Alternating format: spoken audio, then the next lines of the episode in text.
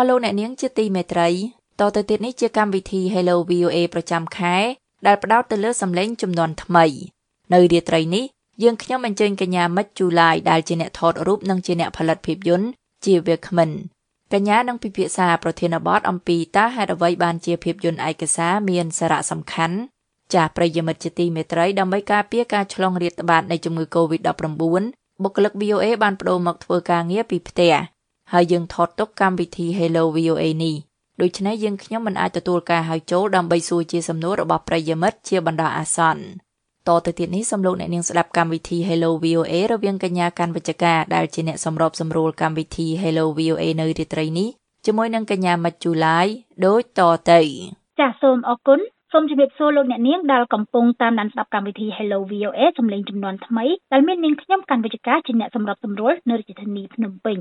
នារីត្រីថ្ងៃច័ន្ទនេះកម្មវិធី Hello VOA សម្លេងចំនួនថ្មីជជែកលើប្រធានបទហេតុអ្វីបានជាភាពយន្តឯកសារមានសារៈសំខាន់ដែលមានវាគ្មិនរបស់យើងគឺកញ្ញាមជូឡាយអ្នកថតរូបនិងផលិតករភាពយន្តចាសសូមជម្រាបសួរកញ្ញាមជូឡាយចាជម្រាបសួរបងអរគុណសម្រាប់ការអញ្ជើញចូលរួមនៅក្នុងការពិភាក្សារបស់កម្មវិធី Hello VOA សម្លេងចំនួនថ្មី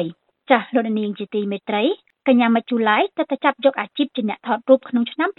2019និងផលិតវីដេអូនៅឆ្នាំ2020 ហើយកញ្ញាបានផលិតវីដេអូឯកសារចំនួន5ចំណែកស្នាដៃថតរូបវិញក៏មានការតាំងពីពណ៌ជាហូរហែផងដែរបើទោះបីជាកញ្ញាមកជូឡាយទៅតែចាប់យកអាជីពជាអ្នកថតរូបក៏ដូចជាការផលិតវីដេអូនិងវីដេអូឯកសារប៉ុន្តែបើក្រឡេកមកមើលភាពយន្តឯកសារនៅកម្ពុជាហាក់មិនសូវសម្បូរបែបនៅឡើយចំណែកឯអ្នកដែលផលិតវីដេអូភាពយន្តឯកសារវិញក៏មិនសូវសម្បូរនៅឡើយដែរចង់ដឹងថាអ្វីជាវីដេអូឯកសារហើយហេតុអ្វីបានជាយើងគួរស្វែងយល់អំពីវីដេអូឯកសារនេះសូមបញ្ចេញវាគ្មិនគឺកញ្ញាមកជូឡាយបកស្រាយ ចាសសូមអញ្ជើញដែលហៅថាវីដេអូឯកសារគឺជា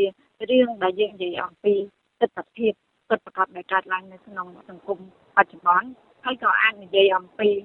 ប្រវត្តិសាស្ត្រដែលបានកើតឡើងកាលពីអតីតកាលដែរចា៎សម្រាប់ជួឡាយើងមើលឃើញថាហេតុអីបានជាយើងគួរតែស្វែងយល់អំពីវីដេអូឯកសារនេះសម្រាប់ខ្ញុំផ្ទាល់កត្តាដែលយើងទាំងអស់គ្នាគួរតែស្វែងយល់ពីវីដេអូឯកសារដោយសារតែវីដេអូឯកសារគឺវាដូចជាបណ្ណាល័យមួយចឹងដែលបានផ្ទុកនៅអឺ រឿងប្រវត្តិសាស្ត្រមិនថារបស់មនុស្សជាតិឬក៏របស់អបរិស្ថានធម្មជាតិទេហើយវាគឺជាកន្លែងមួយដែលយើងអាចមើលឃើញវាដោយការប្រើចក្ខុរបស់យើងហើយនឹងការប្រើសម្លេងផងដែរយើងរៀនដោយការមើលនិងការស្ដាប់ចា៎សូមអរគុណកញ្ញាមកជូឡៃនិងលោកអ្នកនាងកំពុងតាមដានស្ដាប់កម្មវិធី Hello VOA សំឡេងចំនួនថ្មី Direct from Washington The Voice of ចាលោកនាងជាទីមេត្រី Hello VOA សំឡេងចំនួនថ្មីនៅរាត្រីថ្ងៃច័ន្ទនេះពិភាក្សាពីប្រធានបទហេតុអ្វីបានជាភាពយន្តឯកសារមានសារៈសំខាន់ដែលមានកញ្ញាមិចជូឡៃអ្នកថតរូបនិងផលិតករភាពយន្តជាវាគ្មិនចាមុននឹងពិភាក្សាលម្អិតលើប្រធានបទរបស់យើងក្នុងរាត្រីនេះជាដំបូងនាងខ្ញុំចង់ដឹងថាតើភាពយន្តឯកសារខុសគ្នាពីភាពយន្តទូទៅយ៉ាងដូចម្តេចដែរជូឡាយចាអឺភាពយន្តឯកសារខុសពីភាពយន្តទូទៅត្រង់ថាភាពយន្តទូទៅ អឺគឺជារឿងមួយដែលយើងថតវាពីការសម្ដែងយើងប្រឌិតយើងមានការប្រឌិតវាឡើងបូកបញ្ចូលនឹងរឿងពិតខ្លះប៉ុន្តែវីដេអូឯកសារគឺជារឿងដែលរឿងហ្នឹងគឺជារឿងពិតប្រកបហ្មងដែលយើងមិនអាចយកវាមកប្រឌិតឬក៏បន្ថែមអ្វីដែលយើងចង់ដាក់ចូលបាននេះគឺវានិយាយពីការពិតយ៉ាងពិតប្រាកដ ភាពយន្តឯកសារនេះអាចមានការបញ្ចេញបញ្ចូលជាគំនិតយោបល់ឬមួយក៏ជាការច្នៃប្រឌិតបន្ថែមអំពីផលិតករអីទេឬក៏យ៉ាងម៉េចដែរអឺសម្រាប់អឺវីដេអូឯកសារគឺมันអាចគឺអឺ filmmaker គាត់ខ្លួនឯងផ្ទាល់มันអាចដាក់ចូលនៅអ្វីដែលជាគំនិតរបស់គាត់ទាំងស្រុងនៅក្នុងវីដេអូឯកសារគាត់ត្រូវសិក្សាច្រើនស្រាវជ្រាវពីតួអង្គនឹងបន្ទាប់មក គឺយើងនិយាយពីរឿងពិតរបស់តួអង្គនឹងហើយការដែលយើងថតគាត់គឺធ្វើយ៉ាងម៉េចក៏ដោយឲ្យគាត់ជាខ្លួនរបស់គាត់ផ្ទាល់យើងមិនមែនជាអ្នកអឺធ្វើវីដេអូឯកសារដល់យើងយកគំនិតរបស់យើងដាក់ចូលនៅក្នុងហ្នឹងចាបើយើងក៏លេចមកមើលវីដេអូឯកសារវិញតើមានប្រមាណប្រភេទដែរហើយតើការផលិតភាពយន្តឯកសារនីមួយៗហ្នឹងធ្វើឡើងក្នុងគោលបំណងអីវិញអឺសម្រាប់អឺ ការដែលខ្ញុំរៀននៅសាលាគឺនិយាយចំយើងអត់បានបែងចែកថាវីដេអូឯកសារមានប៉ុន្មានប្រភេទទេប៉ុន្តែតាមការសង្កេតឃើញរបស់ខ្ញុំផ្ទាល់វីដេអូឯកសារខ្ញុំមើលឃើញថាវាមានអឺ4ប្រភេទចាស់អឺឧទាហរណ៍ដូចជាវីដេអូឯកសារនិយាយអំពីជីវិតរបស់ប្រជាពលរដ្ឋទូទៅប្រចាំថ្ងៃវីដេអូឯកសារសត្វដែលនិយាយអំពីសត្វហើយនិងវីដេអូឯកសារដែលនិយាយពីធម្មជាតិ និងវីដេអូឯកសារដែលនិយាយអំពីប្រវត្តិសាស្ត្រប៉ុន្តែបើខ្ញុំឆែកចូលក្នុង website គេថាវីដេអូឯកសារមាន6ប្រភេទប៉ុន្តែដោយសារតែនៅប្រទេសកម្ពុជាយើងការសិក្សាទាក់ទងនឹងវីដេអូឯកសារឬក៏ធ្វើវីដេអូឯកសារនៅមានកម្រិតនៅឡើយអញ្ចឹងការយល់ដឹងរបស់ពួកខ្ញុំក៏ហ៊ានខ្វះខាតដែរបងចា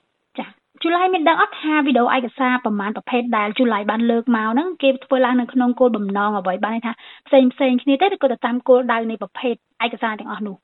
អឺតាមពិតទៅវីដេអូឯកសារទាំងអស់ហ្នឹងគឺធ្វើ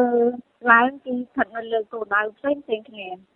បើសិនជាវីដេអូឯកសារនិយាយអំពីអឺធម្មជាតិនៅប្រទេសកម្ពុជាព្រៃព្រឹក្សាគឺយើងផ្ដោតទៅលើព្រៃព្រឹក្សាធម្មជាតិចឹងទៅដើរថតសត្វព្រៃនៅតំបន់ណាមួយ ពិតប្រាកដចឹងទៅយើងមិនអាចអឺទៅខេត្តមណ្ឌលគិរីបន្ទាប់មកយើងទៅថតនៅសៀមរាបទេបើសិនជាយើងនិយាយពីវីដេអូឯកសារខេត្តមណ្ឌលគិរីគឺឯកសារហ្នឹងត្រូវតែនៅខេត្តមណ្ឌលគិរីយើងអាចអាចបន្លំបទៅយកអឺទូភេកនៃខេត្តផ្សេងយកមកដាក់បន្លំបានទេនិយាយចាំភាគច្រើនគឺយើងនិយាយអ្វីដែលពិតជាក់ស្ដែងចា ដោយសារតែបច្ចុប្បន្ននេះកម្ពុជាក៏ដូចជាពិភពលោកគឺកំពុងតែប្រឈមជាមួយនឹងការឆ្លងរាលដាលជំងឺ Covid-19 តើកញ្ញាអាចលើកជាឧទាហរណ៍បានទេថាក្នុងករណីនេះភាពយន្តឯកសារអាចជួយអ្វីបានខ្លះដែរអឺខ្ញុំគិតថាភាពយន្តឯកសារវាពិតជាសំខាន់ណាស់វាឆ្លុះបញ្ចាំងពីទស្សនវិជ្ជារបស់សង្គមការរស់នៅរបស់ប្រជាពលរដ្ឋជីវិតរបស់គាត់តើអឺមាន ការលំបាកមួយខ្លះអញ្ចឹងឧទាហរណ៍ជាក់ស្ដែងដូចជានៅក្នុងខេត្តសៀមរាបចឹងដោយសារតែបញ្ហាកូវីដរយៈពេលថា2ឆ្នាំហ្នឹងជិត2ឆ្នាំហ្នឹងប្រជាពលរដ្ឋគាត់មានការបាត់បង់ការងារមែនតើអញ្ចឹងនៅពេលដែលពួកខ្ញុំផ្ដោតទៅលើការធ្វើវីដេអូឯកសារពី profile ណាគេពីមនុស្សណាម្នាក់ដែលគាត់ជួបប្រទះបញ្ហានឹងពិតប្រាកដគាត់ធ្លាប់ធ្វើជាអ្នកទេសចរនាំភ្ញៀវទៅប្រាសាទអង្គរវត្តបានលុយបានអីចឹងបន្ទាប់មក គាត់អត់ដឹងត្រូវធ្វើអីទេព្រោះសំបីតាហូថែក៏បិទអត់មានភ្ញៀវអត់មានអីចឹងអញ្ចឹងយើងធ្វើវីដេអូឯកសារតែខ្លះមិនពួកខ្ញុំដើម្បីគ្រាន់តែបង្ហាញថាអូរស់នៅវេទនាចេះចុះហើយគ្រាន់តែចង់បង្ហាញអំពីអឺបញ្ហាហើយអ្នកមើលទាំងអស់គ្នាគាត់ជាអ្នកស្វែងរកដំណោះស្រាយវិញព្រោះយើងដឹងហើយថាអឺនៅពេលដែលកូវីដផ្ទុះឡើងអញ្ចឹងវាមិនមែនតែមានបញ្ហានៅក្នុងប្រទេសកម្ពុជានៅក្នុងអឺពិភពលោកទាំងមូល បាត់បង់ជីវិតមនុស្សជាច្រើនអញ្ចឹងហើយម្យ៉ាងវិញទៀតសន្ទឹមនឹងដែរយើងក៏មើលឃើញដែរថានៅពេលដែលពួកគាត់បាត់បង់ការងារប៉ុន្តែរាល់ថ្ងៃយើងត្រូវការហូបយើងត្រូវការផឹកតើយើងអាចត្រឡប់មកធ្វើអីដើម្បីជួយឲ្យពួកគាត់ក្នុងការធ្វើឲ្យជីវភាពគាត់បានប្រសើរជាងមុនចាអរគុណច្រើនជូឡៃចាលោកនាងកំពុងតាមដានស្ដាប់កម្មវិធី Hello VOA សំឡេងចំនួនថ្មី Direct from Washington The Voice of America VOA ចាបើតាមការសង្កេតនឹងបទពិសោធន៍របស់កញ្ញាតើនៅកម្ពុជាមានវីដេអូឯកសារច្រើនទេជូឡៃអឺតាមការសង្កេតរបស់ខ្ញុំខ្ញុំពិតជាមានអារម្មណ៍សោកស្ដាយមែនទែនដែលនៅក្នុងប្រទេសកម្ពុជាយើងអត់មានវីដេអូឯកសារច្រើនទេដោយសារតែយើងឆ្លងកាត់របបសង្គ្រាមហើយអឺដោយសារតែ គុណភាពនៃការថតរបស់យើងបច្ចេកទេសរបស់យើងនឹងមានកម្រិតហើយអឺការប្រម៉ូទការដែលអឺមានអឺដូចអង្គការដែលខ្ញុំរៀនគឺនៅ Buphana Center ពួកគាត់បានទៅរៀនសិស្សគាត់មានវីដេអូឯកសារខ្លះខ្លះដែរហើយគាត់ព្យាយាមរក្សាឯកសារទាំងអស់ហ្នឹងបន្ទាប់ពីរបបផ្នែកក្រហមអឺបានបំផ្លាញអឺអ្វីដែលយើងធ្លាប់មានពីមុនមកអឺ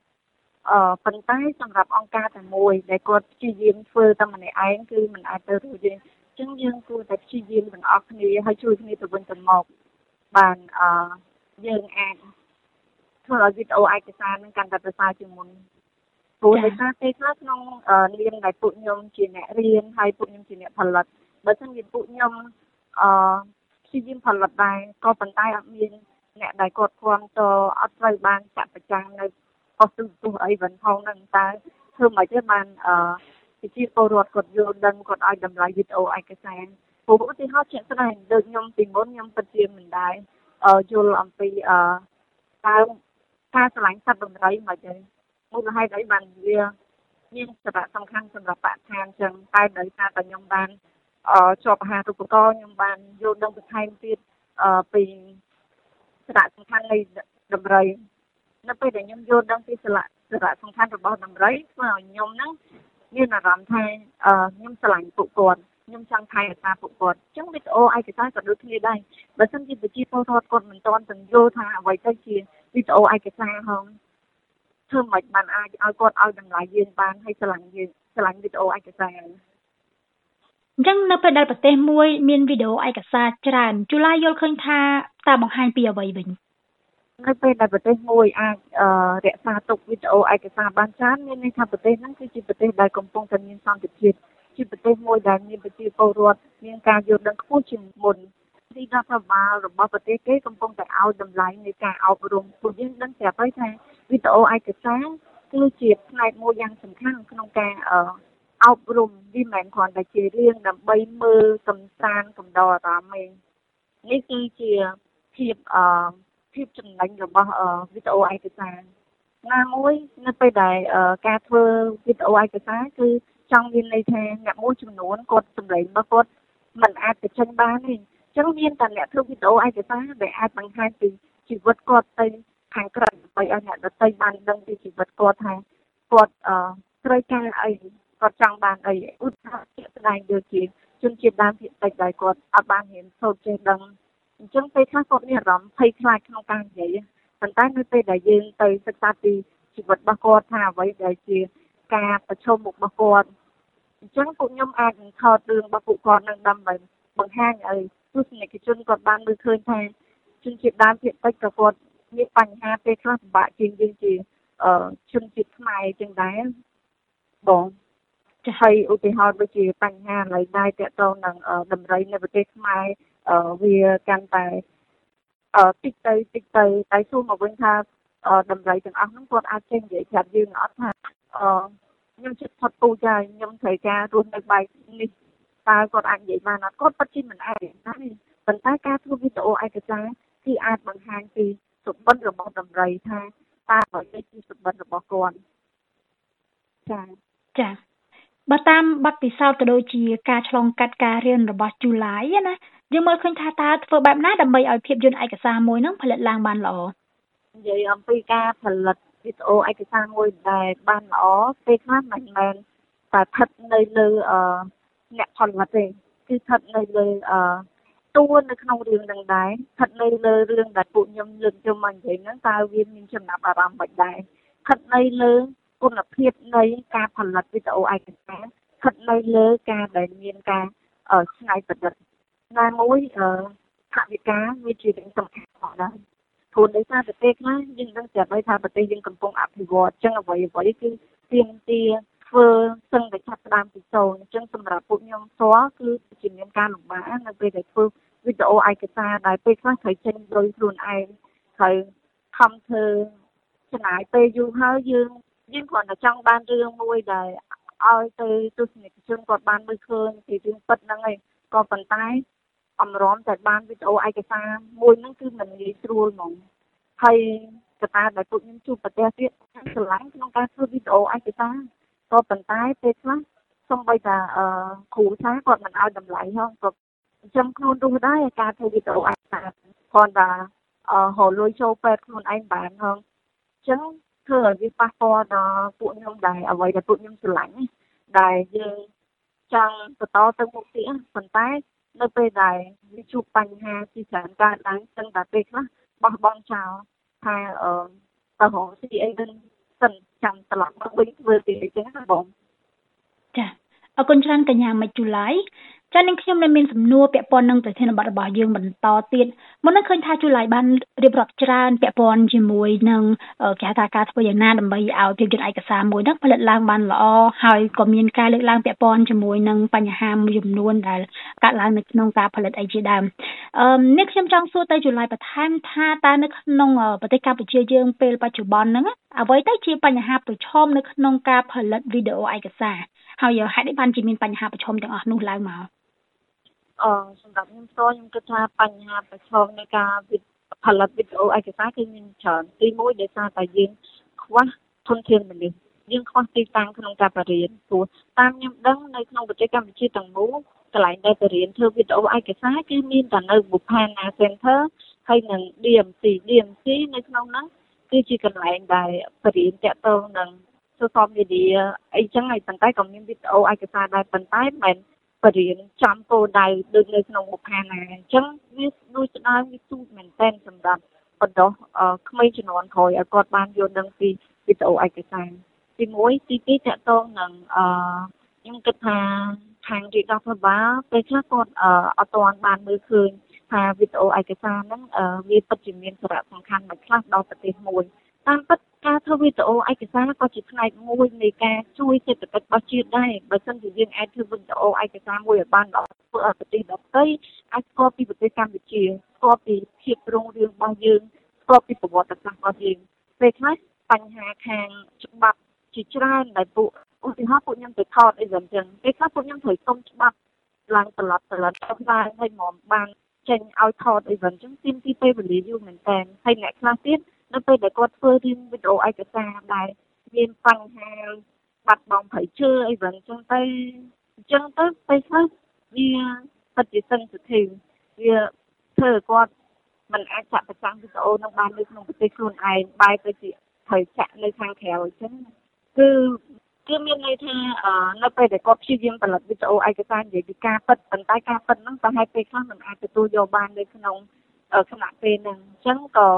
មានតែរងចាំពេលក្រោយគិតថាจุឡៃបានលើកឡើងច្រើនពាក់ព័ន្ធជាមួយនឹងបញ្ហាប្រឈមនៃការផលិតវីដេអូឯកសារក្នុងប្រទេសកម្ពុជាយើងអញ្ចឹងจุឡៃគិតថាយើងគួរធ្វើយ៉ាងណាវិញដើម្បីជំរុញឲ្យមានការផលិតវីដេអូឯកសារហ្នឹងឲ្យបានច្រើនខ្ញុំគិតថាកត្តាធំបំផុតអឺខាងរាជរដ្ឋាភិបាលខាងទស្សនិកជនជនជាតិខ្មែរយើងខ្លួនឯងផ្ទាល់ដែរយើងគួរតែឲ្យតម្លៃពីអ្វីដែលជារបស់ ខ្មែរយើងដែលយើងមានឧទាហរណ៍ជាក់ស្ដែងនៅពេលដែលខ្ញុំមើលអឺទូរទស្សន៍ខ្ញុំឃើញតែមានរៀងថៃកូរ៉េហើយពេលខ្លះគេមានរៀង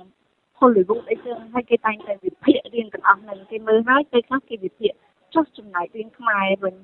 រៀងមិនថាខ្សែភាពយន្តខ្មែរឬក៏វីដេអូឯកសារខ្មែរគឺអត់ទៅមានអ្នកគេវិភាគអំពីរឿងខ្មែររបស់យើងទេបើនិយាយពីវីដេអូឯកសាររត់ទៅអត់ទៀត អ្នកខ្លះមួយចំនួនមិនដឹងស្គាល់ថាអ្វីទៅជាវីដេអូឯកសារផងអញ្ចឹងខ្ញុំគិតថាបើសិនជាអាចអឺទទួលដែលពាក់ព័ន្ធតកតងនឹងការប្រចាំខ្សែភាពយន្តអ្វីខ្សែភាពយន្តគាត់គួរតែផ្ដល់ឱកាសឲ្យវីដេអូឯកសារហ្នឹងប្រចាំនៅប៉ុស្តិ៍ទូរទស្សន៍ប៉ុន្តែมันគួរប្រចាំងនៅម៉ោងពី10យប់អីវិញ គួរតែប្រចាំងនៅពេលម៉ោង6ម៉ោង7 8ដែលជាម៉ោងរបស់ប្រជាពលរដ្ឋកំពុងតែញ៉ាំអាហារអញ្ចឹងគាត់អាចលើរឿងហ្នឹងឲ្យគាត់ក៏អាចយល់បន្ថែមទៀតបានដែរព្រោះឧទាហរណ៍ពេលខ្លះដូចខ្ញុំចឹងបើសិនជាបើកទូរទស្សន៍ទៅមកអត់មានវីដេអូឯកសារហងគេចាក់រៀងថៃឬក៏រៀងកូរ៉េខ្ញុំប្រកាសពីមើលរឿងហ្នឹងតែបើសិនជាម៉ោងហ្នឹងចាក់រៀងរបស់ខ្មែរយើងវីដេអូឯកសាររបស់ខ្មែរយើងអានោះប្រកាសជាមានអ្នកមើលច្រើនហើយនឹងមានការគ្រប់គ្រងជាមុន ព្រោះវាពិតជាមានការសំខាន់ណាស់នៅពេលដែលពួកខ្ញុំជាអ្នកផលិតហើយហើយការអ្នកដែលគាត់គ្រប់គ្រងជួយមើលចឹងបងបើសិនជាយើងគ្រាន់តែផលិតឲ្យទុកចោលហើយអត់មានអ្នកគេបានមើលបានអីយូរយូរទៅខ្ញុំគិតថាក៏អត់ទៅមានអ្នកចង់បន្តធ្វើអាជីពជាអ្នកវិទ្យាឯកសារទៀតដែរចា៎ មុននេះជូឡៃបានលើកឡើងពាក់ព័ន្ធជាមួយនឹងបញ្ហាប្រឈមមានដូចជាកង្វះធនធានកង្វះថវិកាទីកន្លែងហើយมันមានសាលាគ្រប់គ្រាន់អីជាដើមសម្រាប់ជូឡៃមើលឃើញថាតើមានការជួយជំរុញបែបណាខ្លះដែរដើម្បីដោះស្រាយនៅបញ្ហាប្រឈមទាំងអស់នោះខ្ញុំនៅតែមានគំនិតថា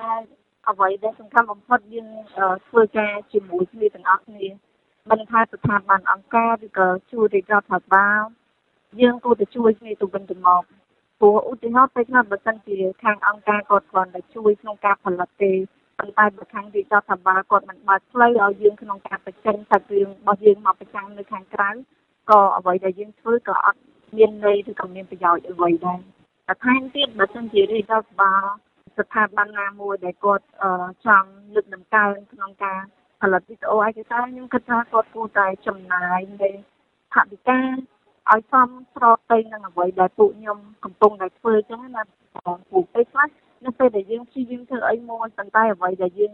អ្វីដែលយើងទទួលបានហ្នឹងវាស្ដួចស្ដើងតិចមែនតើអញ្ចឹងអ្នកមួយចំនួនគាត់គិតថាអូមកទៅធ្វើទៅមិនដឹងចិញ្ចឹមខ្លួនរូហងធ្វើទៅអីអញ្ចឹងគាត់ក៏បោះបង់អាជីពនឹងចោលទៅពីព្រោះការធ្វើវីដេអូឯកសារមិនមែនស្រួលលក្ខណៈថាដូចជាការថតរៀងទៅជាសម្ដែងអឺខ្លាំងនឹង ខុសយើងចាប់ដើមម្ដងទៀតទេវីដេអូឯកសារទីទៅតែយ៉ាងសកម្មភាពដែលគេមកយើងត្រូវតែចាប់ខ្លាំងឲ្យលឿនគឺឲ្យលឿនយើងអត់អាចសុំគេឲ្យសុំគេម្ដងទៀតបានទេចាអរគុណច្រើនជូឡៃតើជាចុងក្រោយជូឡៃមានជាសំណូមពរឬក៏ពាក្យពេចន៍អ្វីបន្ថែមពាក់ព័ន្ធទៅនឹងប្រធានបទរបស់យើងជាចុងក្រោយខ្ញុំអត់មានអីច្រើនទេគ្រាន់តែពិតជាអរគុណ នៅសាលាដែលខ្ញុំបានរៀនដូចជាសសអាតបច្ចេកដែលគាត់បានផ្ដល់ឱកាសឲ្យពួកខ្ញុំរៀនតាក់ទងនឹងការធ្វើរូបថតហើយនឹងវីដេអូបែបសហសម័យបើមិនជាអត់មានពួកគាត់ក្នុងការផ្ដល់ឱកាសឲ្យពួកខ្ញុំបានរៀនសូត្រប្រហែលជាខ្ញុំអត់បានឈានមកដល់ពេលនឹងអាចស្គាល់អាចយល់ដឹងថាអ្វីទៅជារូបថតអ្វីទៅជាវីដេអូឯកសារហើយខ្ញុំក៏អរគុណនៅបុផាណា Center ដែរដែលពួកគាត់បាន ស្វែងរកនិងថែរក្សាឯកសារដែលបន្តទុកពីចាស់ចាស់មកដើម្បីក្នុងការទុកឲ្យក្មេងជំនាន់ក្រោយក្នុងការយល់ដឹងពីប្រវត្តិសាស្ត្ររបស់ខ្លួនឯងដើម្បីរៀននៅពេលអនាគតហើយនៅចុងបញ្ចប់នេះខ្ញុំសង្ឃឹមថាអឺខាងក្រសួងដែលពាក់ព័ន្ធគាត់នឹងបើកទ្វារឲ្យអ្នកដែលមានស្នាដៃធ្វើវីដេអូឯកសារអាចប្រចាំនៅក្នុងទូរទស្សន៍ជាតិហើយ គាត់អាចជួយ support យើងបន្ថែមទៀតក្នុងការដែលពួកយើងចង់ធ្វើវីដេអូឯកសារចង់និយាយថាបើសិនជាយើងចង់ធ្វើវីដេអូឯកសារមួយដែលបានល្អយើងត្រូវមានការប្រកួតប្រជែងគ្នាទៅវិញទៅមកមានកម្មវិធីដែលអឺឲ្យកូនសិស្សឬក៏ឲ្យអ្នកដែលផលិតវីដេអូឯកសារហ្នឹងគាត់មានស្នាដៃរបស់គាត់ដាក់ហើយយើងអានឡាញអំពីរឿងហ្នឹងថារឿងហ្នឹងមួយណាល្អជាងគេមូលហេតុអីបានជារឿងហ្នឹងល្អជាងយើងយកមកវិភាគទាំងអស់គ្នាយកមករៀនទាំងអស់គ្នាដើម្បីឲ្យ វីដេអូឯកសាររបស់យើងហ្នឹងកាន់តែមានភាពរីកចម្រើនជាងមុនព្រោះដោយសារពេលខ្លះនៅពេលដែលអ្នកមួយចំនួនគាត់មើលវីដេអូឯកសារគាត់គាត់ថាអូខ្ញុំអត់ចង់មើលមើលទៅអដែរអដែរហើយគុណភាពនៃវីដេអូឯកសារហ្នឹងអត់ល្អទៀតទាំងពលឺទាំង color អីវិញដូចជាធ្វើឲ្យគាត់អត់តាក់ទាញគាត់គ្រាន់តែកលែងឃើញគាត់លេងចង់មើលហ្មងអញ្ចឹងសង្ឃឹមថាអឺវីដេអូឯកសារនៅថ្ងៃអនាគតគឺវាមានការរីកចម្រើនទាំងគុណភាព ទាំងខ្លឹមសារនៃរឿងរបស់វីដេអូឯកសារនឹងផងដែរចាសសូមអរគុណកញ្ញាមកជូឡៃអ្នកថតរូបនិងផលិតករភាពយន្តដែលបានបកស្រាយយ៉ាងក្បោះក្បាយក្នុងកម្មវិធី Hello VOA សម្លេងចំនួនថ្មីពាក់ព័ន្ធនឹងប្រធានបទហេតុអ្វីបានជាភាពយន្តឯកសារមានសារៈសំខាន់ចាអរគុណច្រើនបង នាងខ្ញុំក៏សូមអរគុណប្រិយមិត្តអ្នកតាមដានស្ដាប់ទាំងអស់ហើយបើមានកំហុសឆ្គងដោយអចេតនាណាមួយនាងខ្ញុំនឹងវាគ្មិនសូមខន្តីអភ័យទោសពីប្រិយមិត្តសម្រាប់ពេលនេះនាងខ្ញុំសូមជម្រាបលានិងសូមជូនកម្មវិធីបន្តទៅសហការីក្នុងបន្ទប់ផ្សាយនៅរដ្ឋធានី Washington